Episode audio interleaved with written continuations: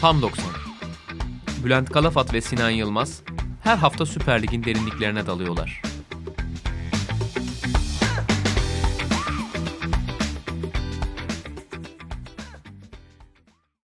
Sokrates Podcast'ten hepinize merhabalar. Tam 90'ın yeni bölümünde sizlerle birlikteyiz. Her hafta olduğu gibi Sinan Yılmaz'la birlikteyiz. Sinan selamlar. Selamlar Bülent. Nasılsın? Teşekkürler. Sen nasılsın? Ben de iyiyim. Çok sağ ol.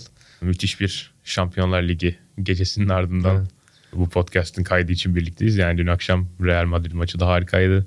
Bayern Villarreal maçı da müthişti. Bakalım bu akşamki maçlarda öyle olacak mı? Tabii tarihi de ele vermiş olduk 13 Nisan. An itibariyle Fenerbahçe 59 puanlı ikinci ve son olarak Galatasaray'a yenerek 4-4, 4'te 4 yaptı. Sır lacivertler. Biz de geçtiğimiz hafta Sinan'la konuşuyorduk ve yani bu haftanın programı için plan yaparken dedik herhalde bu derbiyi kim kazanırsa onunla başlarız. Oradan da artık yavaş yavaş 4 büyükler serimiz ve ligin etkili transferleri ve önümüzdeki sezon neler bekleyebiliriz yavaş yavaş artık bu programlarımıza geçeriz diye. Son bölüme kapanışa yazmışsın biraz gelecekte Fenerbahçe'nin yeni sezon için teknik transferleri vesaire ne almalı ne gitmeli diye.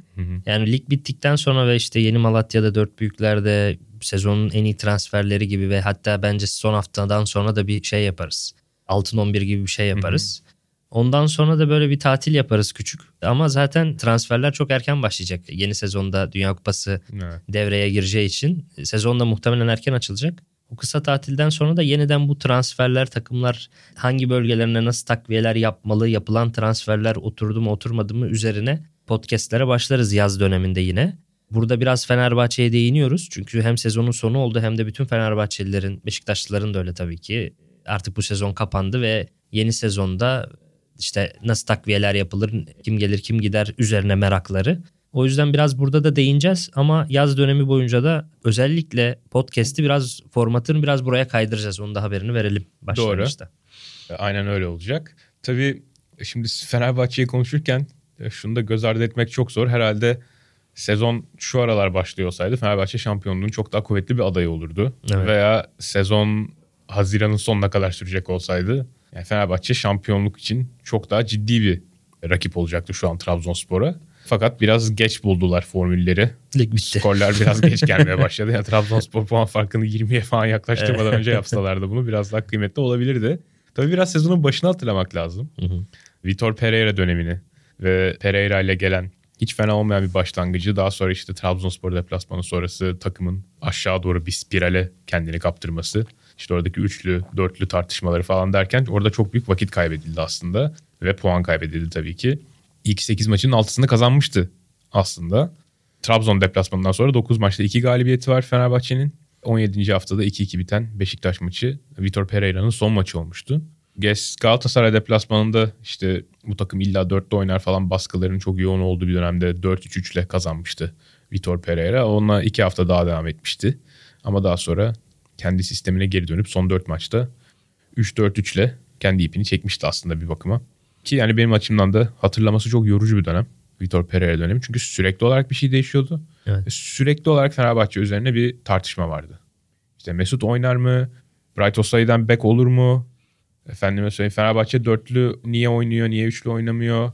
İrfan, ondan sonra Valencia mı, işte bu Berisha çöp mü, Rossi çöp bilmem ne falan. Hiçbir konuda bir netlik yoktu. Fenerbahçe'nin her haftada kadrosu değişiyordu zaten. Hem ön üçlü hem de çoğunlukla merkez değişiyordu. İşte bekler sürekli değişiyordu. Ve hani benim için hatırlaması yorucu olduğu kadar Fenerbahçe için de yıpratıcı oldu zaten. Bir türlü düzen oturtamadılar. Maalesef. Bir de arasına Avrupa maçları falan da girince aslında son derece rotasyonlu ve zengin olan bir kadroda çok çabuk bir şekilde dağıldı. Tabii burada Vitor Pereira döneminde ciddi sakatlık sorunları da yaşandı. Ya o rotasyon lazım. rotasyon dediğin zaman hep aklıma Pep Guardiola'nın sözü geliyor. Hangi teknik adam da onunla Premier Lig'e ilk gittiği zaman şunu söylemiş yani sen işte Barcelona Bayern Münih Premier Lig'e ilk defa geliyorsun. İlk sezonunda rotasyon yapma. Bunu Pep Guardiola bir röportajında ya da bir onun belgeselinde mi söylemişti? Bir yerde söylemişti. Çok şey lig çok yoğun takvim ve yoğun takvimde sık rotasyon başlangıçta planları oturtmak için taktiği sistemi oynatmak istediğin oyunun yapısını oturtmak için çok daha zorlaştırıyor işleri gibi bir şey söylemişti ve o tüyonun meslektaşının kendisine verdiği rotasyon yapma tüyosunun çok mantıklı olduğunu, çok doğru olduğunu söylemişti Pep Guardiola. O izlediğim şeyinde, röportajında. Bence Vitor Pereira da Fenerbahçe'de bunu yaşadı. Aslında başlangıcı şu anki Valerian İsmail başlangıcı gibi gayet güzel bir başlangıçtı. Hatta bir önceki döneminde başarısız olmuş Vitor Pereira hatta Aziz Yıldırım'la tartışıp işte kaçarcasına Türkiye'den uzaklaşmış. Konsoloslukta kalmışlar işte tehdit ediliyoruz vesaire diye şey yapmışlar. Ee, Aziz Yıldırım'la tartışmaları sonrası hani öyle ayrılmış bir adam geri dönüyor taraftarı tekrar kazanıyor. Sezonuna gayet iyi bir başlangıç yapıyor. Hatta çok iyi bir başlangıç yapıyor yani. Fakat o denizi geçip derede boğuldu. Ya o dönemle ilgili mesela Zayt sezona oldukça iyi bir başlangıç yapmıştı şu an olduğu gibi. Ve Zayt'sın kesin gönderilmesi bekleniyordu. Çünkü orta sahada çok büyük bir bolluk vardı. Öbür tarafta işte o Helsinki'li dönem Alan Antalya Helsinki Antalya pardon Helsinki Antalya Helsinki dönemi vardı. Orada çok fazla sakatlıklar Arda gibi Muhammed gibi oyunculara forma şansı tanıdı ve Arda Antalya maçında aslında sezonun ilk haftalarında asistle başladı lige. Ama ondan sonra onu unuttu. Muhammed'i göndermeyin ben bu çocukta potansiyel görüyorum tekrar kiraya vermeyin diye aldı. Muhammed Helsinki'de olağanüstü bir gol atmışken onu da unuttu mesela ki Hatay'da mesela çok iyi bir Muhammed performansı vardı. Hatay ligin en zor deplasmanlarından bir tanesi. Hani çok da iyi verimler alırken onlardan bir türlü şey yapamadı. Zayt'sı tabii sezona çok iyi başlamış bir Zayt'sı ya yanında Gustavo varken ya Sosa varken oynattı ve bir yerden sonra da e, haliyle yanındaki oyuncunun şeyi yerine de koşuyor olmak biraz tüketiyor Zayt gibi oyuncuları. Çünkü ne olursa olsun adam ofansif orta saydı. E, bazı maçlarda Sosa Gustavo yaptığı da oldu ve Gustavo'nun bence bütün Fenerbahçe teknik direktörleri için şöyle bir olumsuz etkisi var Bülent. Gustavo sezonların belirli bölümlerini oldukça iyi oynuyor. Kalitesini konuşturuyor, tecrübesini konuşturuyor. Bir iki aylık sanki son atım kurşun gibi atıyor onu. İki ay sonra mutlaka sakatlanıyor. Sakatlandıktan sonra da bir türlü dönemiyor. Dönemedikten sonra da Gustavo'nun üzerine kurduğun plan olduğu gibi çöküyor. İki aylık plan kuramazsın çünkü lig 8-10 ay oynanıyor. Sen Gustavo üzerine kurduğun planı kaybettiğin zaman orta sahayı bir daha toparlayana kadar işte aynısı oldu bu senede Vitor Pereira'ya. Gustavo ile 2-3 ay çok iyi başla. Gustavo bir gitsin onun üzerine Sosa'yı mı koyacağım? Çünkü bambaşka profiller diğerleri. Crespo'yu mu koyacağım? Kimi oynatacağım derken tam bir çorbaya döndü. Crespo transferinde tabii ki Vitor Pereira'yı övmek lazım. Çok uygun bir bedelle çok iyi bir transfer yapıldığından. Hatta onu genel olarak sezonun en iyi transferleri bölümünde ayrıca zaten Crespo'yu değerlendireceğiz. Ama Crespo da pek hazır gelmedi veya adaptasyon sorunu yaşadı. İlk maçlarına çünkü oldukça vasat bir Crespo vardı. O da belki şeyi bozan, Vitor Pereira dönemini bozan nedenlerden bir tanesiydi. Bu arada sezona mesela Tisserand çok iyi başlamasına rağmen o da kayboldu. Ozan Tufan'ı Premier Lig'e kiralık göndermek yine Vitor Pereira'nın bence doğru scouting hamlelerinden bir tanesiydi. Vitor Pereira'dan geriye kalan işte Crespo, Kim gibi çok iyi transferler ve futbolcudan anlaması gibi bir şey kalıyor bu 3-4 ay sonra baktığımızda. Ki yani çok da enteresan bir şey Crespo'nun ve özellikle de hani son dönemdeki performansıyla Bright Osay Samuel'in bu kadar önemli oyunculara dönüşmesi Fenerbahçe'de. Çünkü aslında bunlar hani son iki senenin baktığınız zaman en sönük iki transferi. Kimsenin üzerinde bir saniye bile düşünmediği transferler, Sosa'lar, İrfanlar, Mesutlar havalarda uçuşuyor, Valencia'lar, Samatta'lar, şunlar bunlar, Perotti'ler. Kim düşünürdü yani bu kadar transferlerin arasında bu kadar alt sıralarda yer alan iki oyuncunun bugünkü Fenerbahçe'de aman bu oyuncuya bir şey olmasın denilen iki oyuncu oldu. Bir de İsmail Kartal'la şey arasında Vitor Pereira arasında oyuncu bazındaki en net fark da Bright Osay Samuel oldu. Evet. Aksine o 3-4-3'ün sağ kenarında Osay Samuel'in coşmasını bekliyorduk. Kesinlikle. Vitor Pereira döneminde hiç o kadar verim alamadı. Evet da, çok daha zor olan dörtlünün dörtlü savunmanın sağ bekinde çok daha iyi verim alıyor İsmail Kartal kendisinden. Onu evet. da hakkını verelim İsmail Hocam. Ki yani QPR'daki döneminde 3-5-2'nin sağ kanat beki olarak oynamışlığı var ama bir dörtlünün sağ beki olarak oynamışlığını ben en azından rastlamamıştım Hı. izlediğim maçlarda. E, hatta QPR gazetecilerinden Paul Finney'e de sordum. Hani ne diyorsun ne diyorsun Bright Osay Samuel'in bu durumu hakkında falan bayağı bir anlattım kendisine şöyle böyle ama sadece Twitter üzerinden yazabildim. Çünkü ne telefonuna WhatsApp'ına ne Skype'ını falan almışım vakti zamanında. Sadece Twitter'dan yazmışım. O da bir yanıt yazmadı ama beni çok şaşırttı en azından. Çünkü daha önce hiç kendisinden verim alınamayan bir bölge burası. Tabii şunu da unutmamak lazım. Vitor Pereira döneminden itibaren gelen ve hala sürmekte olan hani İspanya Kartal döneminde de gördüğümüz bazı sorunlar vardı Fenerbahçe'de. İşte bunlardan bir tanesi duran top savunması. Bu hala sürüyor oyun kurulumları ve set hücumları Fenerbahçe'nin hala çok sorunlu. Evet. Rakip yarı sahada kaptığı toplarla sonuca giden bir takım Fenerbahçe hala çoğunlukla. Ama gelişim var. Gelişim olduğunu görüyoruz. İşin hücum yönünde bir sorunlar dönüyor. İşte savunmada duran top savunmalarına değindik. Hani bir ara çok üst düzeye çıkmıştı bu. Alanya maçında yediği duran topun aynısını Antwerp maçında yiyen falan bir Fenerbahçe vardı. Arka arkaya maçlarda ön direk kornerleri yiyordu. İşte sezonun devamında bu sefer bu kötü bir taç, kötü taç savunması e, sekansları üremeye başladı falan. Bunlar e, sezonun geneline yayılmış sorunlar. Bir de sol koridorun savunması var tabii. Fenerbahçe daha hazırlık maçlarında sürekli işte o zaman Ferdi ile Novak oynuyordu bazen. Sol stoper Novak, sol bek Ferdi falan. O hazırlık maçlarından itibaren hep Fenerbahçe'nin sol stoperiyle sol beki arasında atılan toplar sorun oluyordu. O hala sorun. Çünkü Fenerbahçe'nin İsmail Kartal döneminde de zaten sol bekinde bir rotasyon oldu. Çünkü Ferdi sakatlandı falan. Bunlar sürüyor ama Vitor Pereira dönemi tamamlandıktan sonra kısa bir süre Zeki Murat Göre çalıştırıyor takımı. İşte Karagümrük ve Adana Demirspor maçları arasında 3 tane lig maçı bir de Afyon'la oynadıkları kupa maçı.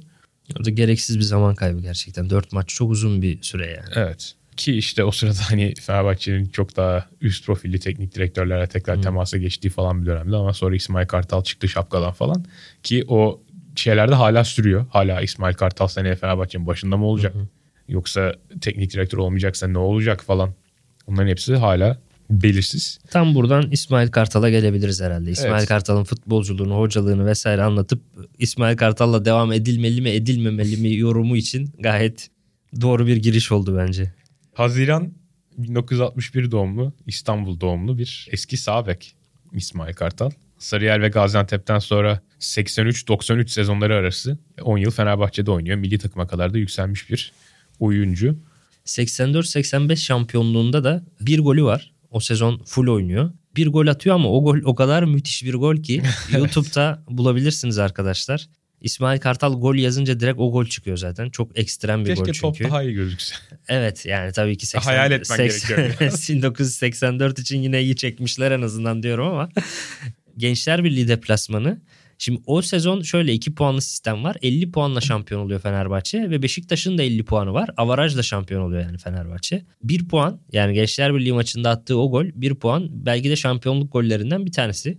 Gol de yani kafu golü gibi bir şey yani 35 metreden falan top çok müthiş bir şut ve harika bir gol. Yani YouTube'dan izlemeniz lazım böyle anlatılacak bir gol değil yani. Bayağı ekstrem bir gol gerçekten. şey de çok iyi bu arada. Anlatan spiker de şöyle anlatıyor. İsmail vuruyor ve gol falan. Evet. çok normal bir gol atmış gibi. sonra tabii bir şampiyonluğunda daha Fenerbahçe'nin gene kadroda 88-89 şampiyonluğu. Efsane şampiyon. 93 puanlı hala da rekor kırılamayan rekor en fazla puanla şampiyonlukta. O sezonda eğer sakat değilse hep ilk 11'de olan bir oyuncu. E, ayrıca Sarı Lacivertlerle 3 kere de Türkiye Kupası'nı kazanıyor futbolculuğunda. Daha sonra da Denizli Spor ve Adana Spor'da birer sezon oynadıktan sonra 34 yaşında futbolu bırakıyor. Bence Denizli Spor bir efsanesi de aynı zamanda bu adam. Çünkü Denizli Spor'da ne yapmış diye baktım. Adana'da çok bir etkisi yok da. Denizli Spor'da kariyerinin en iyi sezonunu oynuyor. Bir alt ligde Denizli Spor o zaman ikinci ligde. Ee, ve Süper Lig'e çıkarıyor Denizli Spor'u. O dönemde ilk yarıyı klasman oynuyorsun. Grup grup var işte 3 klasman var. Oradan çıkanlar üst sıradaki takımlar kendi aralarında bir şampiyonluk grubu oynuyor. Şimdi Denizli Spor ilk devrede 15 maçta 3 gol atmış Denizli Spor'da ve klasman grubundan şampiyonluk grubuna çıkarmış yükselme grubuna. Yükselme grubunda 17 maçta tam 9 gol atmış abi. Penaltılar falan da kullanıyor ama yine de yani bir bek oyuncusu için evet. inanılmaz bir rakam. Evet. Ve Denizli Spor'u Süper Lig'e çıkarmış adam. ama Denizli ile İsmail Kartal pek anılmamış. Sonra da Adana Spor'a gitmiş. O da e, ilginç yani. Aslında bir Hani Denizli Spor'un net ikon oyuncularından, ikon isimlerinden bir tanesi olabilirmiş. Evet orada devam etmesi enteresan gerçekten. Bu arada İsmail Kartal'ın Fenerbahçe altyapısında futbola başlayan oğlu Emre Kartal da Isparta 32 Spor'da oynuyormuş şu anda. Birkaç sezon herhalde Fenerbahçe altyapısında denendikten sonra yetersiz falan bulundu herhalde. O da daha 20'li yaşlarına bile gelmemiş bir oyuncu. Bakalım kariyeri neye evrilecek. Ve buradan... Ya bu çocukla ilgiliydi galiba da. Hı. İlk İsmail Kartal döneminde 2014-15 döneminde İsmail Kartal'ın üzerine çok gidildiği dönem çocuğun o lisedeki ortaokul arkadaşları bile sürekli işte taciz ediyor İsmail ha, Kartal doğru, üzerinden doğru, diye haberler okuduğumu doğru, hatırlıyorum. Doğru. O çocuk eğer şeyse gerçekten Emre Kartalsa o da futbolcu olmuş ve şimdi şeyde Sparta'da futbol oynuyor olması falan ilginç ya. Çok hızlı geçiyor zaman gerçekten. o haberi dün gibi hatırlıyorum çünkü. E, o da henüz çok büyük değil. Hani Doğru. Biz çok yaşlandık şeyine geçeceksen oradan kafa yapısından çok da geçmene gerek yok. Her türlü yaşlanıyoruz zaten. Teknik direktör İsmail Kartal'a şöyle bir bakacak olursak kariyerinin ilk adımlarını Fenerbahçe'de Veselinovic, Otto Baric ve Joachim Löw'ün yardımcılıklarını yaparak atıyor. 2003-2004 arası Fenerbahçe'de gençlik gelişim koordinatörü titliyle görev yapıyor. Ama ilk teknik direktörlük deneyimi bir takım ilk defa devraldığı deneyimi 2004-2005 sezonunda Sivasspor'la. Bak o da Denizli gibi çok ilginç. Sivas Spor'u adam şampiyon yapıp Süper Lig'e çıkarıyor abi. Ve nedense kendisiyle devam etmiyorlar. Daha sonra yine birinci ligde kalıp Altay, Mardin, sonra Malatya, Ordu hatta bir, bir lig daha düşmüş Konya Şeker falan ikinci liglere kadar düşmüş. 2009'a kadar 2004'ten 2009'a kadar hep alt liglerde çalışmış. Genel olarak birinci ligde yani bir alt ligde ama ikinci lige de Konya Şeker'e falan da düşmüş en son. Oradan sonra da bir, bir dönem Fenerbahçe TV'de yorumculuk yapmış. Sonra da kendisini Fenerbahçe'ye adamış galiba ama aslında başlangıcı adamın teknik direktörlüğe başlangıcı Sivas, Sivas'ı Süper Lig'e çıkarmak. Çok iyi bir başlangıç ama nedense devamı gelmemiş onun. Öyle enteresan gerçekten. 2010-2014 arası 3 sezon Aykut Kocaman'ın bir sezonda Ersun Yanal'ın yardımcılığını yapıyor. Ersun Yanal'ın şampiyon sezonunda yardımcı antrenör İsmail Kartal. 2014-2015'te Fenerbahçe ile ilk sezonu teknik direktör olarak tabii burada şampiyon olmuş, kendini ispatlamış ve hazır bir kadroyu devraldı. Hatta o yaz sadece Diego transferi yapılmıştı Fenerbahçe'de. Fenerbahçe'nin yakın tarihinin herhalde en suskun transfer dönemlerinden evet. bir tanesi. Doğru. Son iki haftaya kadar da kovaladılar aslında şampiyonluğu. Fakat Galatasaray daha sonra şampiyon olmayı başarmıştı. Tabii o sezonun sondan 8. haftasında Rize deplasmanından dönerken 4 Nisan 2015'te Fenerbahçe takımını taşıyan otobüs kurşunlanmıştı yolda. Çok travmatik ve feci bir olaydı. Evet. E, Fenerbahçe'nin o olaydan sonra da ligdeki iddiasını sürdürebilmesi önemliydi gerçekten. İsmail Kartal adına da yönetim adına da önemli bir başarı o. Çünkü kalan 8 haftada mağlup da olmadılar. Yani 3 tane 3 3 beraberlik aldılar. Ya şöyle o olay yaşandığında zaten 2 puan gerideydiler. Yani şeydi atıyorum belki lider olsaydı liderliği korumayı bilecek kadar bütünleşmişlerdi. Yani senin takım otobüsüne bir kurşun sıkılmış. Orada bir sürü yabancı futbolcu var. Sonuçta Türkiye'de adam savaşmaya gelmemiş yani. Para kazanmaya gelmiş, futbol oynamaya gelmiş. Öyle bir canına kast durumu gerçekleştiği zaman birçoğu ayrılmak istedi Fenerbahçe'den doğal olarak yani. Fakat onları bir yumruk olarak tutabilmek hem o dönemki yönetim için hem de İsmail Hoca için, teknik heyet için önemli bir başarı. 5 galibiyet 3 beraberlikte gayet iyi bir sonuç kalan 8 haftada. Ama zaten daha önceki haftalarda işte o 2 puanlık şey olunca ikinci sıraya düşmüş oldukları için biraz şey yapamadı. Yani öne geçemedi. Galatasaray'da hata yapmayınca son 8 haftada alamadı şampiyonluğu ama gayet iyi götürdüğünü düşünüyorum ben de. Bir önceki sezon bir de bence şampiyon takımı devralmak yeni bir teknik direktör olarak en zorlu challenge'lardan bir tanesi. Çünkü doymuş bir takım şampiyon şey yapıyorsun. Ele alıyorsun. O da İsmail Hoca için bence şey kötü bir durumdu yani. Ki çok fazla genç oyuncusu da yoktu o takımın. Hı hı. Ee, oldukça veteranlarla dolu bir takımdı. Onları bir daha motive etmek gerçekten kolay olmamış olsa gerek. 15-16 sezonunda kısa bir süre Eskişehir'de geçici bir teknik direktörlük yapıyor. 8. ile 11. haftalar arası. Burada 4 mağlubiyet alıyor 4 maçta. Kısa sürüyor. 2016-2017'de Antep'te sezona başlıyor. E, fakat 13 maçta 8 mağlubiyet alıp düşme hattının 1 puan üstüne gerilince ayrılıyor ve zaten sezon sonunda Antep küme düşmüştü. Son derece kötü bir kadroydu o. Süper Lig için çok yetersiz bir kadroydu ki bu hani İsmail Kartal'ın da başında olduğu bir takımın kurulan kadrosu olarak bir yerde dursun. Çünkü bunlara ileride geleceğiz. 2017-2018'de gene bir takımın başında başlıyor. Bu sefer adresi birinci ligde mücadele veren Ankara gücü. Tıpkı bugün oldu, olduğu gibi Ankara gücü o zaman da birinci ligde. 63 puanla ikinci oluyorlar. Süper Lig'e çıkıyorlar ve o yaz pek çok transfer yapılıyor. Ee, İsmail Kartal da takımın başında kalıyor tabii. Başarılı hocası. Süper Lig'e de onunla çıkıyorlar. Thiago Pinto, işte Horto, Bryce Cece, efendime söyleyeyim Mulan, e, Sersi, Bakari Kone, El Kabir, Bifuma, işte Fatih, Mokhtar falan 10-20 tane oyuncu geliyor. Ama 18-19 sezonunda 16 hafta sonunda 20 puanla 11. sırada yer alabiliyorlar ki aslında hiç fena değil yani evet, ortalarda bir yerde. Yeni çıkmış bir takım için gayet iyiydi. Hatta Koku'nun Fenerbahçe'sini Kadıköy'de yendi İsmail Kartal'ın e, takımı ve Fenerbahçe taraftarlar da İsmail Kartal'ı çağırıp evet, tezahürat yapmışlardı Lane bugün. Alkışlamışlardı. Evet.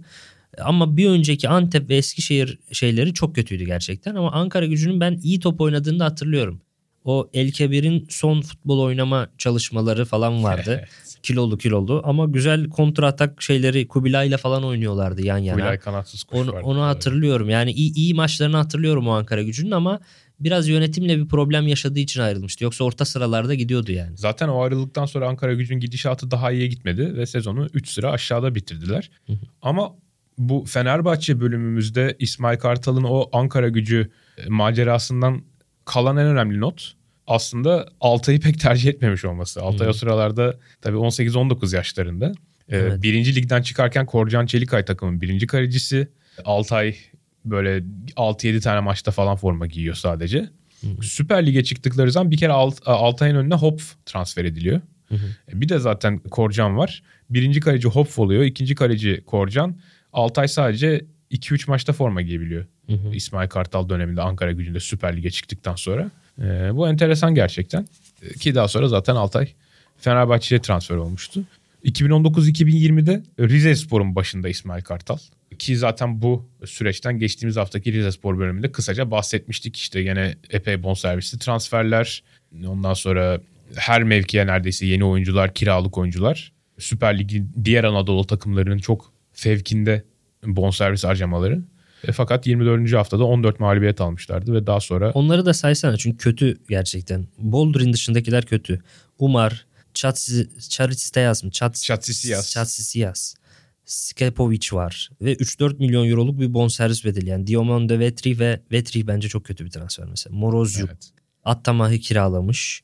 Yani Ankara gücü de mesela başarılı oldu diyoruz ama Ankara gücünde az önce hepsini saydın tek tek. Hiçbir futbolcu tutmadı mesela. Zaten o yüzden buraları ben not edelim Evet. diyorum. Birazdan çünkü Evet. Fenerbahçe'nin geleceğini konuşurken bunlar önemli olacak. İsmail Kesinlikle. Kartal'ın aldırdığı futbolcular ve bu futbolcuların daha sonra takımlarda ne yaptıkları. Hani. Ankara gücü kadrosunda işte bir Thiago Pinto'yu sayabiliyoruz. Türkiye Ligi'nde kalıcı olabilen. Jesus Pinto. Ama hani Rize'ye şimdi saydın sen isimleri. Bunlardan da Boldrin dışında hiçbiri yani Süper Lig'de çok kalıcı olamadı. Vetrich de senin dediğin gibi şu anda Gaziantep'te oynuyor ama bir oyun, onun oynadığı Antep var. Bir de Doğan Erdoğan'ın oynadığı Antep var. Çok farklı takımlar. Hı. Netice kelam 24. haftada gene ayrılıyor Rize Spor'dan İsmail Kartal ve Rize ondan sonra da zaten toparlayamıyor. Ama zaten o sezonun devamında düşme attı. Yani düşme olayı tamamen kaldırılmıştı. Süper Lig'den düşememişti o sezon takımlar ki Rize'de o olsaydı düşme attı 2 puan üzerinde kalacaktı onun sezon bittiği zaman. Belki sezon ortasında bu sezon düşme yok beyler deselerdi. İsmail Kartal da kovulmayacaktı tabii böyle garip durumlarda oldu. Ve Fenerbahçe'den önceki son durağı Konyaspor 2020-2021'in ikinci haftasında devralıyor Konyaspor'u. Ve bu sezon çok iyi giden kadronun aslında temeli olan bir e, kadroyu devralıyor. İşte Çikaleşya, Ahmet Çalık, Adil, Seyic bunların hepsi o sezonun oyuncuları. Fena da gitmedi aslında 24 lig maçında 9 galibiyet 9 mağlubiyet. Devre arasında işte Bütüci, Rahmanovic, Sekidika, Diomande gibi ilaveler geldi. Diomande yine kötü transfer. Evet Diomande gene çok kötü bir transfer olarak çıkıyor burada ki zaten Rize'den de talebesi. Bunlardan sonra hiç galibiyet alamadı. Transferler geldikten sonra. Son maçı da Beşiktaş'a karşıydı. Hatta o maçın ardından seninle yaptığımız yayını çok iyi hatırlıyorum.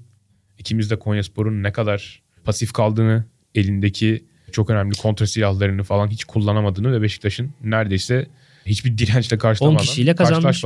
Konyaspor 1-0 Rozier'in yenmişti. Çok golüyle zorlanmıştı 10 Beşiktaş.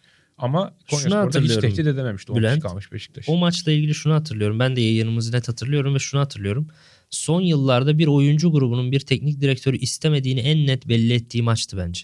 Net bir şekilde Konyasporlu oyuncular İsmail Kartal'ı istemiyor gibiydi ve hiç mücadele etmediler.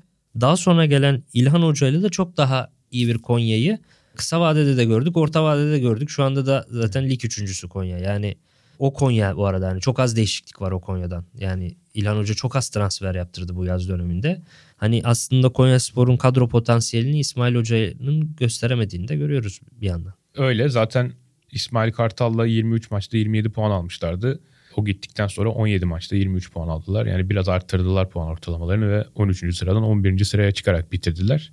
Devamında da zaten bugünkü Konyaspor'u görüyoruz. İsmail Kartal çok o potansiyelin farkına varamamış ve o potansiyeli gelmesi gereken yere getirememiş gibi bir durum var. Ya bu arada Konya ile ilgili son notum benim. Bu sene başında Galatasaray Konya Spor maçı vardı. Hatta bu Trabzonspor'un Fenerbahçe'yi kendisi aslında yendiği maçla aynı gün oynandı o maç. Gündüz Galatasaray Konya oynandı İstanbul'da. Akşamda Trabzon şey maçı. Galatasaray maçından sonra İsmail Kartal'la bir araya geldik. İsmail Hoca sordu işte maç ben de maçtan gelmiştim Galatasaray maçtan nasıldı maç dedi dedi.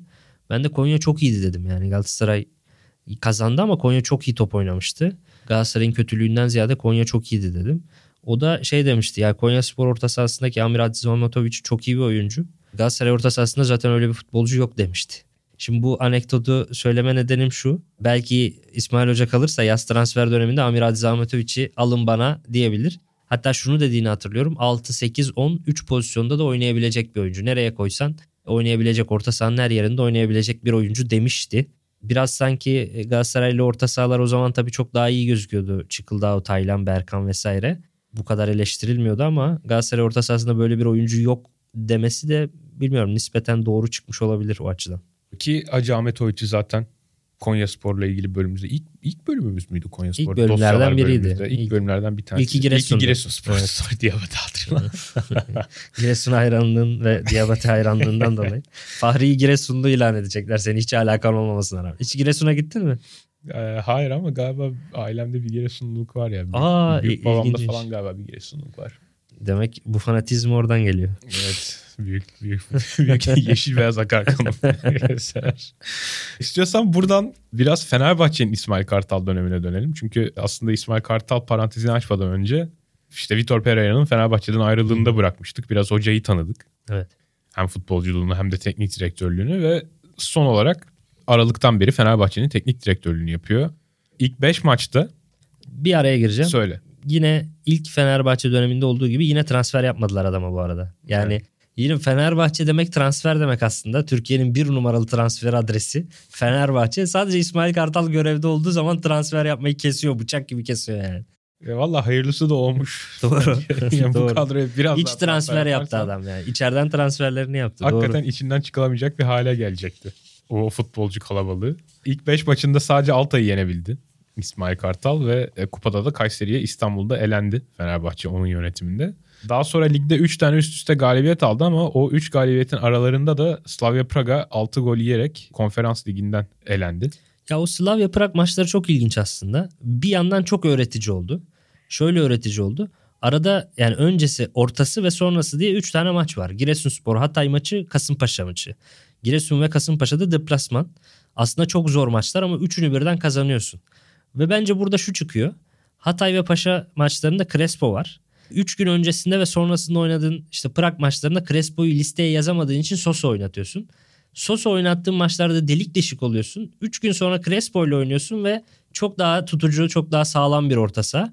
Yani orada artık kör bile görürdü yani. Ha demek ki Crespo oynayınca çok başka bir şey oynayabiliyoruz. Nihayet demek ki CV ile olmuyormuş bu işler düşüncesini. Bence o 3 maç çok öğretici oldu.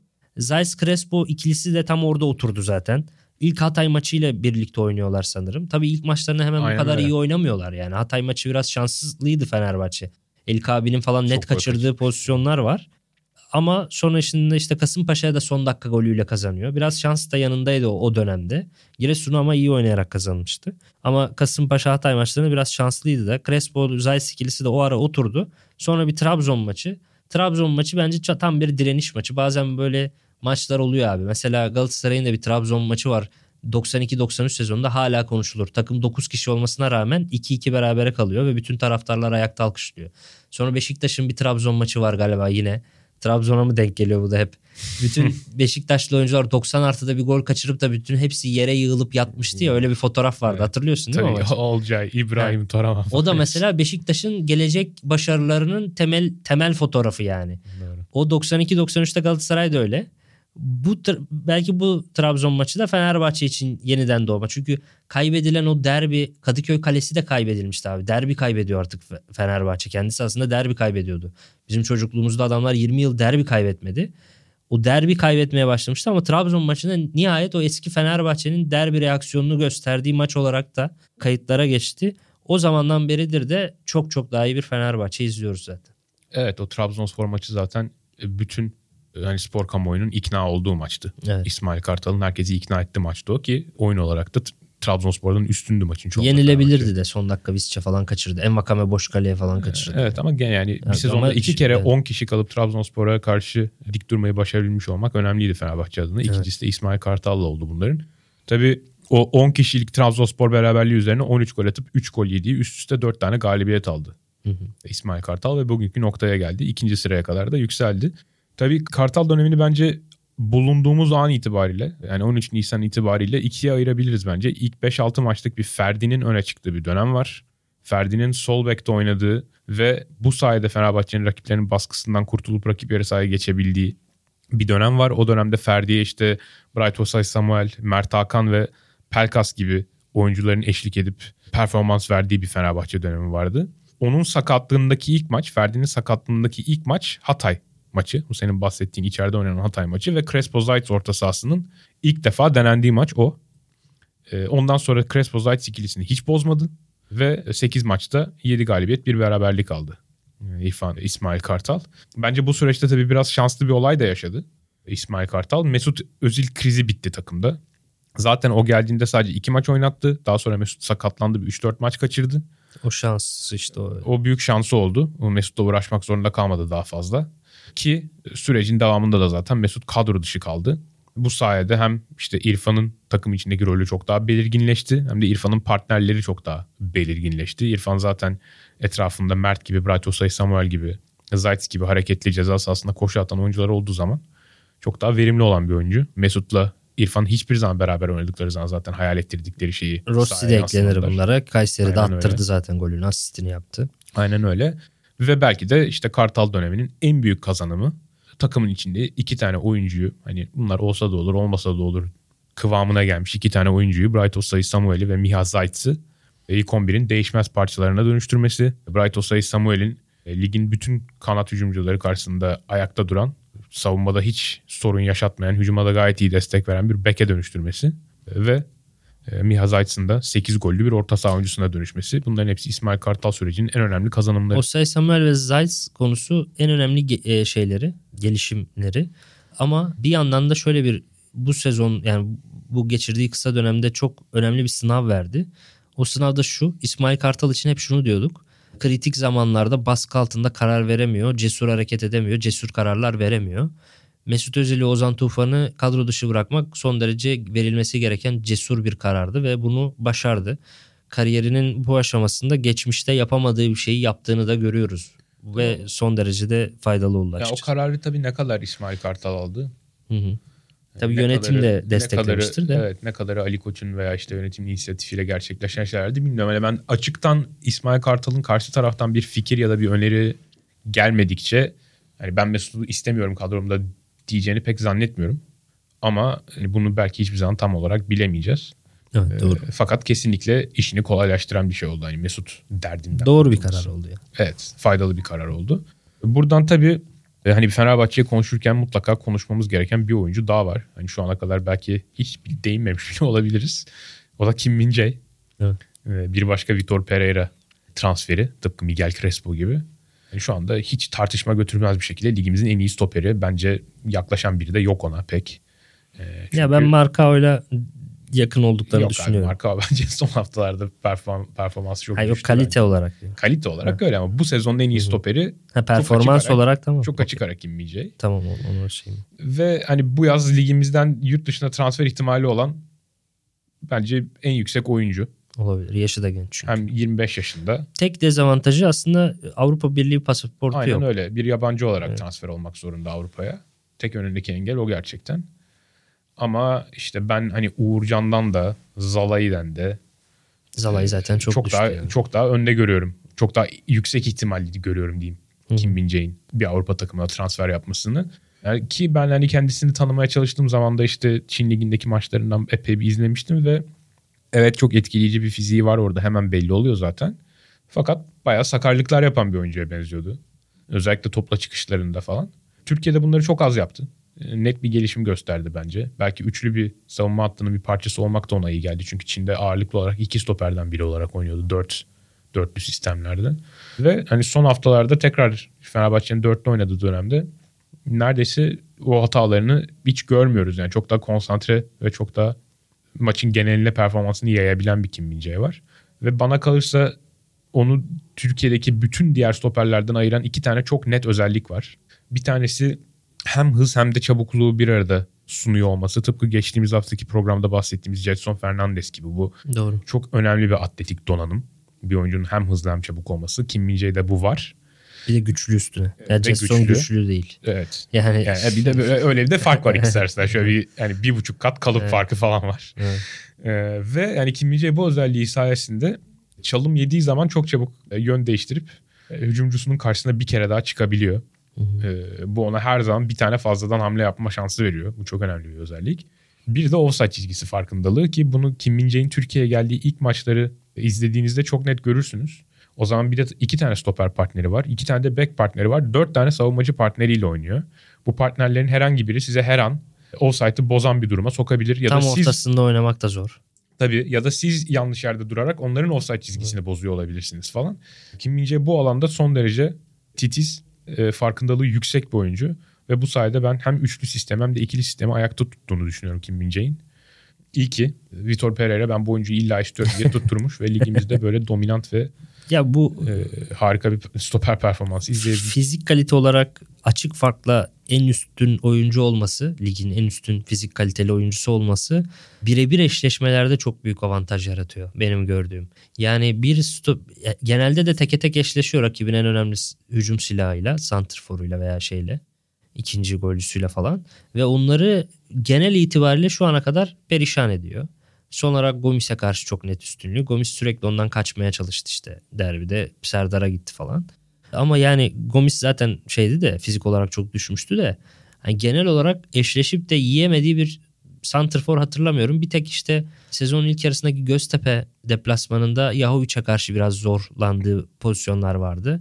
Bir de son Kayseri maçlarından bir tanesinde Gavronovic offside'da yakaladığı pozisyonda terse iyi bir çalım atabilmişti kime karşı. Yani ufak tefek pozisyonlar aklıma geliyor sadece. Eki 30 küsür maçlık serüvende illaki 1-2 maç zaten formsuz vesaire de olabilirsin ama bu kadar do- yüksek bir stoper eziciliği herhalde 2007-2008 Prime Servet var. Bir sezonluk böyle Servet'in insandan canavara dönüştüğü bir sezon var. bir orada vardı yani Servet'e hiç kimse yani hem hızıyla hem gücüyle herkesi devirdiği bir sezon. Hani onun dışında da böyle bir şey yok zaten. Yani ligde yok yani. Tek başına bir stoperin bu kadar domine ettiğini ben yani belki Prime Lugano olabilir. Evet olabilir. Ama yani Lugano da bazen ağır kalıyordu. Kim kadar Lugano'dan çok hızlı. oyuncu değildi. Evet. O zaman Kim- atletizme bu kadar gerek de yoktu işte. doğru. O zaman Kim ağır ama Lugano'ya göre çok hızlı yani. Evet kesinlikle. Atletik e, özellikleri çok çok fevkinde. Zaten bence onu Avrupa için çok iyi bir aday yapan bir numaralı şey de o. Çünkü hani Evet. önce ona bakıyorlar gerçekten. Geniş alanda oynama kabiliyeti çok yüksek. E, ondan sonra da bütün diğer meziyetleri. Aslında bir de şöyle bir enteresan yanı var.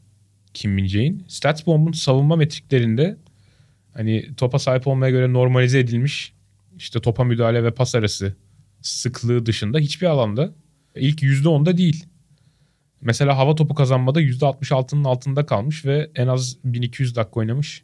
56 tane stoper arasında ilk 20'de bile değilmiş Kim Min-jae. Ben bunu gördüğümde çok şaşırdım mesela. İlk 3'te falan bekliyordum ben Kim Min-jae'yi hava Evet. topu alma yüzdesinde. Vermiyor çünkü aslında hava topu. Evet ama hani defansif metriklerde hala hücum metriklerine göre biraz daha açıklayıcı gücünün biraz daha az olduğunu görüyoruz defansif metriklerin. Yani bu iyi bir not bence. Kesinlikle. Yani bir savunmacıyı e, istatistiklerine bakıp tanımak çok daha zor bir şey. Kesin. Hücumcuyu tanımaktan. Kesin. Kim Min-jae de bunun çok net örnekleri. Ben scoutluk yaparken savunma oyuncularında istatistiğe neredeyse hiç bakmıyordum. Bakmamak Çünkü lazım. pozisyon alma, konsantrasyon gibi şeyleri metriklere dökemiyorsun. Aynen öyle. Onlar da bir savunmacı için en önemli şeyler zaten. Evet. Çabuk tepki verme falan bunların hiçbirinin bir e, metrik karşılığı yok gerçekten. Kim Min-jae böyle bir hikaye ve hani Fenerbahçe adına sezonun en mutluluk verici hikayelerinden bir tanesi ama herhalde taraflı tarafsız en azından benim penceremden böyle. Genel Türk futbol severi için sezonun en mutlu hikayesi Arda Güler olsa gerek. E, yani muazzam bir şey. Süper Lig, konferans, e, işte Avrupa e, Konferans Ligi, bir de sezon başındaki Avrupa Ligi elemeleri. 328 dakikası var sadece. Bu, bu süreye 2 gol 4 asist sığdırmayı başardı Arda. Statsbomb'dan Fenerbahçe'deki bu sezon forma giymiş bütün futbolcuların 90 dakika başına asist ve gol katkılarını şöyle bir sıraladığın zaman Ferdi böyle 90 dakika başına 1,5 gol artı asistle en yakın Fenerbahçeli Valencia'nın böyle iki kat önünde falan tabii ama tabii Hmm. süre, süre çok kısıtlı. Ama o kısıtlı sürede gösterdikleri müthiş. Tabii hepimiz Helsinki maçında Sosa'nın Hatay maçında da Serdar'ın o free kickleri Arda'ya bırakmasını istedik. Arda da böyle çok iştah dolu gözlerle abilerinin gözlerinin içine bakıyordu acaba ben vurabilir miyim falan diye. Yazık vuramadı çocukcağız ama ben eminim ki o free Daha kick çalışmaya vurur. devam edecek. Evet. Bence hiç ara vermeden. Sergen Yalçın'ın aksine o çalışarak ilerlemeyi tercih eden gençlerimizden biri. Umarım da öyle kalır. Ama açık ara beni en etkileyen şey Arda hakkında ki bunu her fırsatta söylüyorum. Burada da tekrar söyleme ihtiyacı hissettim. Liderlik vasıfları tekrar söylüyorum. Bu çocuk daha yeni 17 yaşına girdi ve bundan sadece bir hafta önce Kayseri deplasmanında oyuna girdikten sonra Gustavo'ya sen 5-10 metre öne gel der, dercesine savunmada ona nerede durmasını gösterdiği bir an vardı maçın son dakikalarında. Ve buna dair işte anlar her maçında var Arda'nın. Hep etrafındaki oyuncularla iletişim halinde olduğunu görebiliyorsunuz. Beni Arda'ya dair as- açıkçası en fazla heyecanlandıran şey bu. Çünkü ben yani o yaşlarda bir çocuğun hadiseyi bu kadar benimsemesini ve maça girdiği anda bütün dünyayı dışarıda bırakıp böyle evet şimdi sen Gustavo'ya şurada durmasını söylemen gerekiyor falan kafasına gelmesi bu çok inanılmaz bir şey. Bütün Türkiye seni konuşurken falan. Umarım bu çocuğu da berbat etmeyi başaramayız. Zaten eğer Arda Güler'den de biz bir Avrupa seviyesinde fark yaratan bir oyuncu çıkaramıyorsak bence futbol falan bitirelim yani. Olmuyor bu iş bence bizden deyip kapatalım. O kadar o kadar büyük bir cevher olduğunu bize gösterdi şu anda. Bundan sonrası onda ama onda olduğu kadarı da bence gene bizde de bitiyor biraz. Ağzına sağlık. Kapanışa geçmeden önce şunu fark ettim. Uzun bir Fenerbahçe bölümü oldu ve tam bir Fenerbahçe. Vitor Pereira ile başladık. İşte İsmail Kartal'a geçtik. Ali Koç ol, değindik. Mesut Özil'in kadro dışı kalmaları. Bir yanda Arda gibi cevherler. Kim Min-jae gibi Crespo gibi transferler. Yani Fenerbahçe'de bir gün 48 saatte yaşanıyor, yaşanması lazım yetmesi için. Sürekli bir şeyler oluyor. Yani yangın bahçe gibi yani sürekli yanıyor Fenerbahçe. Ve hani bu, bu programı bir saatte bitireceğiz galiba ama yani 4 saatte yapın deselerdi bayağı yapılırdı. Yani çok kolay bir şekilde Fenerbahçe hakkında sürekli bir şey oluyor çünkü. Çok acayip bir camia. Transferlerin çoğuna değinmedik bu arada. Tabii. Farkındaysan Serdar Dursun'a, Berisha'ya, Rossi'ye Valencia hiç gibi değinmedik yani. Valencia gibi çok özel bir adam var mesela şu an kadro dışının eşiğinde geziyor. Falan. Seneye olacak mı olmayacak mı hiç değinemedik Aynen onlara. öyle. Çok acayip bir kulüp Fenerbahçe. Tabii önümüzdeki sezona dair de ciddi belirsizlikler var. İşte yeni teknik direktör mü gelecek? Gelmezse İsmail Kartal Evet. kadro kurulur mu? Ki işte bu soruyu sorarken Kartal'ın teknik direktörlük döneminde kurdurduğu bazı kadroları hatırlamak gerekiyor. İşte Ankara gücünde Rize Spor'da falan kurdurduğu kadrolar. Bunlar Saydık transferlerini tek büyük tek. enkazlar olarak kaldılar bu takımların üzerlerine daha sonra ve bir başarı da elde edemediler. Tabii bu sorunun yanında şunu da sormak gerekiyor. Eğer İsmail Kartal Fenerbahçe'nin teknik direktörü olarak devam ederse belki kadro kurma vazifeleri işte Rize Spor'da ve Ankara gücünde olduğundan çok daha az İsmail Kartal'da olacak. Belki ona transferler yapıp verecekler hoca al bunlardan bir şey yarat falan gibilerinden. Ee, bakalım o süreç nasıl olacak? Ya son olarak bir de şu var tabii ki. Seneye 7 artı 4 olacaksa yerli yabancı kuralı. Buna dört büyükler arasında şampiyonluk favorileri arasındaki en kuvvetli, en bu açıdan en güçlü takım net bir şekilde Fenerbahçe. Çünkü Fenerbahçe'nin ilk 11'inde direkt Altay var, Ferdi var, Mert Hakan var, İrfan var. Ve bunların dışında buraya rotasyondan girebilecek Serdar Dursun, Serdar Aziz, Arda Güler gibi başka yerli hamleleri de var. Ama Trabzonspor Başkanı Ağaoğlu'nun bir açıklamasını gördüm. Seneye de 8 artı 3 olarak devam edelim diyor. Tabii doldurdu Tabii. şimdi yeni yeni transferleri yazın. Aynen. Şimdi bir de Abdülkadir Ömür'e teklifi var. Uğurcan'ın gitmesi bekleniyor. Zaten 3 tane yerliyi zor buluyor. Bunları da zaten satmak zorundasın yani teklif geldiği zaman. Çünkü gırtlağına kadar borca batmışsın. Şimdi ben Ali Koç'un ne diyeceğini çok merak ediyorum. Yani çünkü Ali Koç gerçekten ha evet öyle yapalım derse Ali Koç'a köprüyü satmaya girişebiliriz yani. Yapabiliriz bunu herhalde. Çok güzel bir Boğaz'da köprü var Ali Bey denebilir yani. Çünkü hani şeye İrfan Can'a ki Aziz Yıldırım'a göre 11 milyon euro verildi. İşte Fenerbahçe'de yönetime göre 7 milyon euro artı Deniz Türüç kaç paraya alındıysa hani İrfan Can'a bu kadar yüksek paraları verme nedenlerinden bir tanesi yerli olduğu için olmalı yani. Mert Hakan'a, İrfan Can'a bu takım işte Ferdi'ye boşu boşuna mı yatırım yaptı yani Altay'a senelerdir. Hani burada ben Ali Koç veya herhangi bir Fenerbahçe başkanının kesinlikle karşı çıkması gerektiğini düşünüyorum. Çünkü planlamayı ona göre yapıyorsun. İşte şu anda tamamen Fenerbahçe şeyin durumunda. 2012-2013 Beşiktaş. Tam onu diyecektim. Yani Beşiktaş, Olcaylar, Veliler, Oğuzhanlar şunlar bunlar doldurdular. Lak diye serbest kaldı. Önder Özen çıldırdı sonra. Önder Özen de çıldırdı. Haklı Vallahi. yani. Çok haklı. Bakalım ne olacak? Ali Koç buna direnebilecek mi? Ama bir başkan olarak çok net. Bunun değiştirilmesine direnmesi gerekir. Çünkü Öyle. avantajlı olan Fenerbahçe. Ki yani aslında şu ana kadar Ali Koç'la Ahmet Ağaoğlu da her ne kadar Fenerbahçe ile Trabzon camiaları arasında işte 10 yıldır bir şey olsa da gerginlik olsa da bu iki başkanın arası iyiydi. Yani bir olay bir- çıkmadı en azından. olay, bir olay çıkmadı. İşte birlikte demeçler verdiler falan. En azından bir dostça gözükmeye falan çalıştılar ama bu, bu konuda çok net kafa kafaya gelecekler hakikaten. Ki Fenerbahçe'nin çok da transfer ihtiyacı da yok önümüzdeki sezona girerken. Doğru. Yani son derece oturmuş bir kadrosu var. İşte Kim Min-jae'in satılmaması durumunda. e, şu anda 5-6 parçası sorunsuz olan bir 11'i var zaten. İşte sol tarafın bir gözden geçmesi gerekiyor belli ki sol ön, sol bek. İşte Valencia ile ipler koptuysa çok net bir ilk 11 santrforu gerekecektir ama Ama Fenerbahçe kendi kendine bir sorun çıkarır gibi geliyor bana. bakalım. Ya Crespo'ya bu arada Atletico Madrid'den teklif varmış geç, e, geçen devre arasında ama 1 milyon euroluk kiralık 11 milyon euro da satın alma opsiyonu koyalım durumu. Zorunlu satın alma yoktu herhalde o yüzden gerçekleşmiyor. Atletico Madrid de böyle oyuncuları çok deniyor yani Mensah'ı da denemişti. Hani çok geniş bir e, şey var kadro deneme şeyi. Direkt kendileri oynatmıyor da alıp başka yere kiralıyor falan gibi. Hani gider de burada mesela bazı parçalar var. Onlar satılırsa yeniden bir şeyler inşa etmek zorunda hissedebilir. Bir de hani mesela şeyde de aynısı yaşanmıştı ya 2 sene önce de çok transfer yapıldı. Yeni sezonda sadece 3-4 transfer yapılacak dendi. 10-12 tane transfer yapıldı yine. Evet. Yine bir şey oldu. Hani şu an bugünden baktığın zaman gerçekten öyle çok büyük bir transfer ihtiyacı görmüyorsun ama Fenerbahçe'nin kendi kendini çorbaya çevirme gibi bir huyu var maalesef. Yaz döneminde umarım o olmaz ve doğru transfer hamleleriyle bu güzel giden Fenerbahçe yapılanması üstüne koyarak devam eder umarım. Öyle umuyoruz. Bakalım sezonun sonu nasıl gelecek? Bakalım Trabzonspor'a ne kadar yaklaşacak Fenerbahçe ve en önemlisi Şampiyonlar Ligi eleme biletine tutunabilecek mi? Şu anda Konyaspor ile Fenerbahçe arasında bunun için ciddi bir çekişme olacak kalan 6 haftada. Bunun da neticesini göreceğiz. E, Ağzına sağlık Sinan. Senin de Bülent. Önümüzdeki programlarla ilgili planımızı zaten bölümün girişinde biraz anlatmıştık. Dört büyükler, sezon geneline bakış ve transferler hem başarılı olanlar hem de gelecekte bu yaz kimleri görebiliriz dört büyüklerde. Bunları konuşacağımız bölümlerimizde tekrar sizlerle olacağız. Her zaman olduğu gibi dinlediğiniz için çok teşekkür ederiz. Ee, önümüzdeki hafta tekrar birlikte olacağız. O zamana kadar hoşçakalın ve kendinize iyi bakın. Görüşmek üzere.